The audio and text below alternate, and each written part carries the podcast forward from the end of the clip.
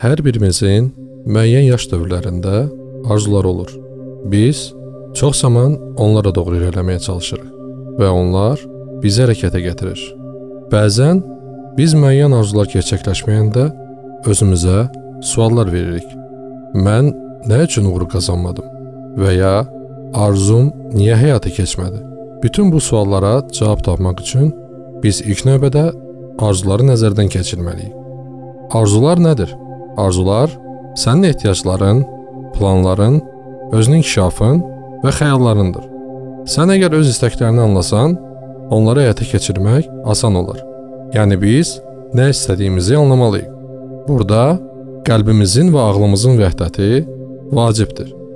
Arzularımızı anladıqdan sonra biz onların arxasınca gedə bilərik. Bu uğurun ilk göstəricisidir.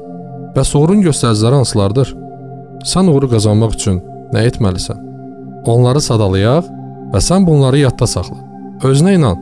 Bu bütün fəaliyyət növlərində çox vacibdir. Özünə inam sənin gələcək hədəflərə çatmağında bir vasitədir. Qətiyyətli ol. Heç bir çətinlik səndən güclü deyil.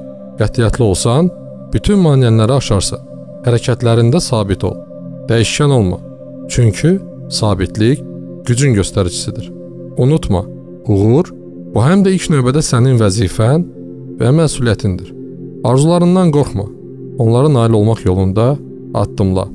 İstəklərin gerçəkləşəcək və sən uğur qazanacaqsan.